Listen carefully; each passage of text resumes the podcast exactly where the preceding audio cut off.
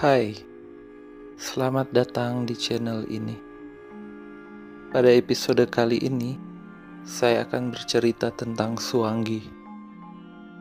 Suanggi adalah roh jahat berwujud manusia yang memiliki kekuatan sihir untuk menyebabkan wabah dan penyakit. Cerita Suanggi tidak hanya terkenal di Maluku, di bagian timur Indonesia seperti Papua, Maluku Utara, Nusa Tenggara Timur memiliki kisah yang sama soal Suanggi. Bisa dibilang, Suanggi adalah hantu horor khas orang timur. Di Tobelo, kisah ini bermula setelah konflik tahun 99 hingga tahun 2000 yang terjadi di sana. Roh perempuan jahat yang kemudian muncul di daerah itu bernama Suanggi. Roh jahat itu menampakkan diri pada bulan Februari tahun 2004 dalam bentuk seorang wanita muda yang menghantui daerah Tobelo selama sekitar dua bulan. Suanggi muncul sebagai wanita cantik yang memikat para pria muda. Ketika pria itu setuju untuk berhubungan seks dengannya, dia akan menyerangnya dan melahap kemaluannya.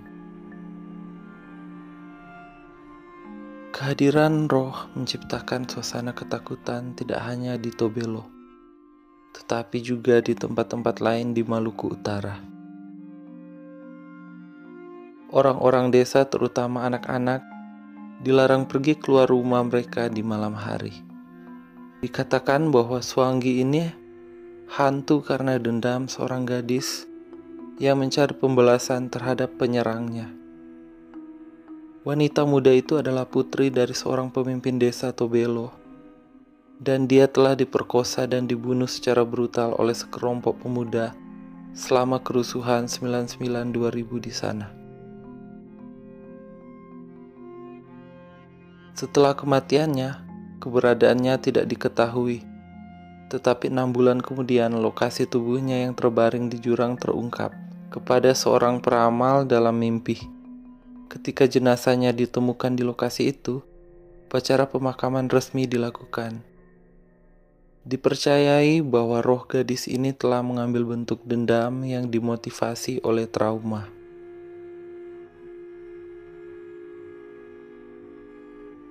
Pada tahun 2004, pada masa pemilu, Seorang petani di Tobelo mendengar tangisan nyaring seorang wanita di dekat perkebunannya. Dia mengklaim bahwa mereka berasal dari roh haus darah Suanggi. Seolah-olah ia sedang menangis ke sebuah megafon, mirip dengan pengeras suara yang banyak digunakan di Tobelo selama kampanye pemilihan.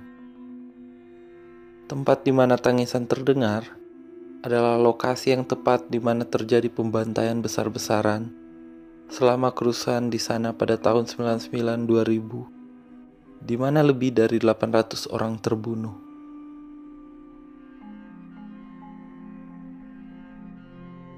Kisah tentang Suanggi ini juga sangat terkenal di Papua. Dilansir dari kabar papua.com, Suanggi banyak terdapat di daerah Yapen Utara dan Yapen Barat.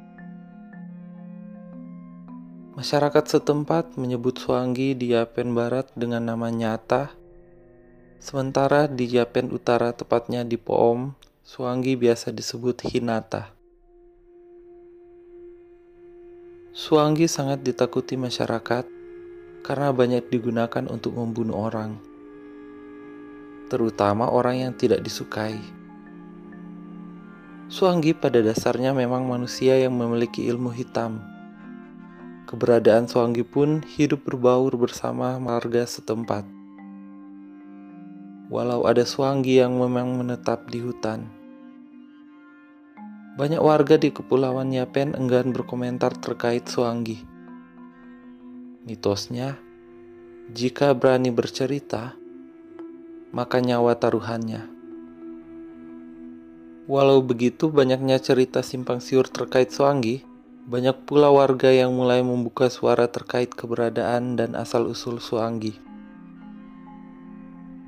Konon kabarnya, Berubahnya manusia menjadi wujud Suanggi dilalui dengan proses yang panjang. Misalnya sang Suanggi harus memakan daun khusus yang hingga saat ini tidak pernah ada yang tahu betul sebutannya. Bahkan proses untuk menjadi Suanggi harus menyediakan tumbal dari keturunan atau keluarganya sendiri. Cerita dari masyarakat setempat, Suanggi biasa melakukan aksi pada malam hari.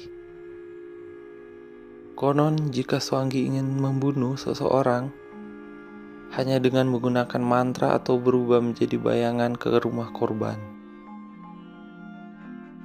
Biasanya dalam beberapa hari kemudian, korban sakit dikarenakan hal yang tak wajar.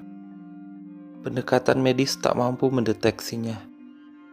Selain itu, mayat korban ulah Swangi biasanya dimakan oleh Swangi untuk menambah ilmu mereka. Misalnya Swangi akan makan isi perut korbannya dan sebagainya. Ciri-ciri Swangi memang sulit dilihat secara kasat mata. Kebanyakan Swangi hanya keluar di malam hari. Biasanya warga yang juga memiliki ilmu yang sangat tinggi dapat melihat Suanggi dengan ciri-ciri mata terang menyala. Berbeda dengan manusia pada umumnya. Ada pula yang mengatakan jika tercium aroma binatang kuskus, maka Suanggi ada di sekitar kita. Ilmu Suanggi pun sangat berbahaya jika manusia yang mendalami ilmu tersebut tidak melaksanakan salah satu syarat yang diajukan bahkan bisa berakibat gangguan jiwa. Dorteis Wopi, masyarakat asal Ansus mengatakan, Suanggi sempat menjadi salah satu ilmu yang hampir ditekuni oleh keluarganya. Ia menambahkan, Suanggi pun dapat dikenali dari beberapa pantangan. Misalnya Suanggi anti terhadap jerut purut, ikan poro bibi, Suanggi juga takut koral laut, Biasanya, jika Suanggi menemui benda-benda itu, langsung beringas dan jahat, kata Teis. Teis menyebutkan Suanggi hidup secara normal layaknya manusia. Suanggi melakukan aksi yang memang kebanyakan membunuh orang. Bahkan kadang Suanggi meminta bayaran, baik berupa uang ataupun piring gantung bagi yang menekuninya.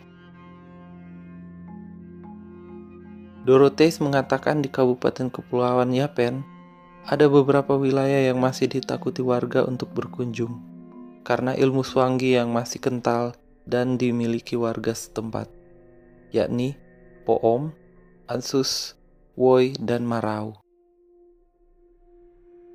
Pada dasarnya Swangi tidak mengganggu kita. Swangi bisa bunuh seseorang sesuai perintah, ucapnya.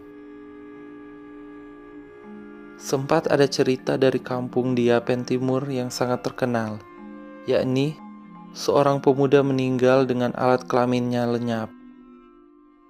Masyarakat beranggapan bahwa Suanggi telah membunuhnya, lalu mengambil salah satu organ si pemuda itu.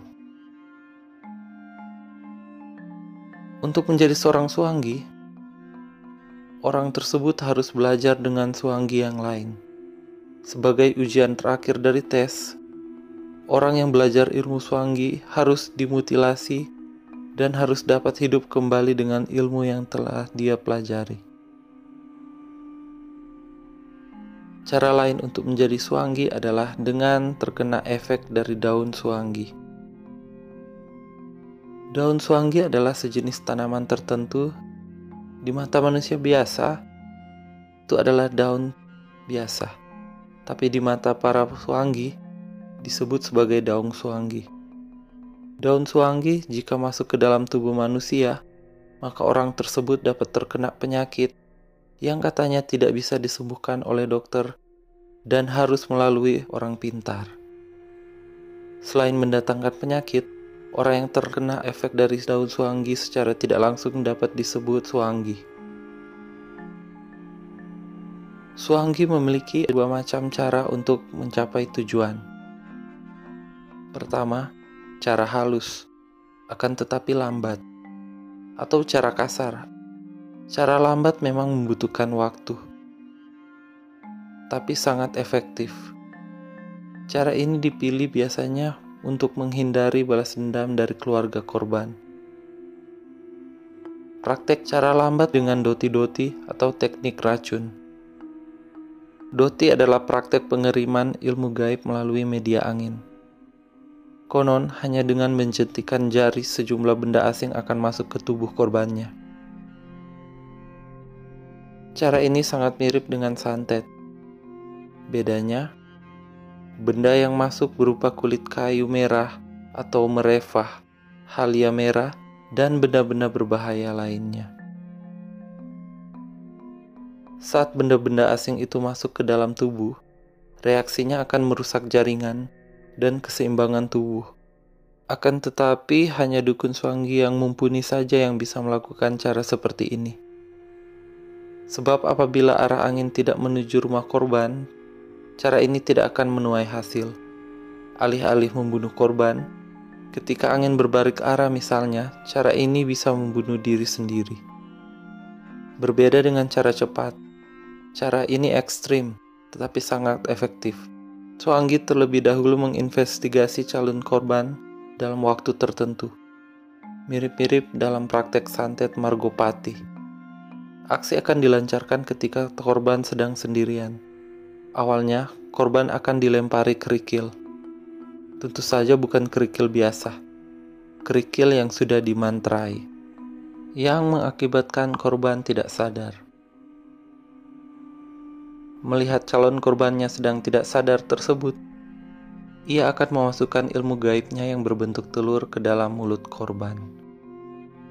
Ketika sudah masuk ke dalam perut korban, telur tersebut berubah bentuk menjadi kadal. Akibatnya bisa ditebak, kadal tersebut akan menggerogoti organ korbannya dari dalam. Hasilnya pun jelas, mati. Setelah korban meninggal dan dikuburkan, dukun Soanggi akan datang ke kuburan buat kembali mengambil telur yang bersarang di tubuh korban. Itulah makanya biasanya keluarga korban menunggui kuburan tersebut dalam beberapa waktu. Biasanya ketika seseorang berpas-pasan dengan suanggi atau berdekatan dengan penekun suanggi, maka yang jelas dapat dikenali adalah berdirinya bulu kuduk, jantung berdebar-debar. Hal ini terjadi secara alamiah. Suanggi mengeluarkan energi negatif dalam jumlah besar. Aura inilah yang memicu panas kepada orang-orang yang berada di sekitarnya.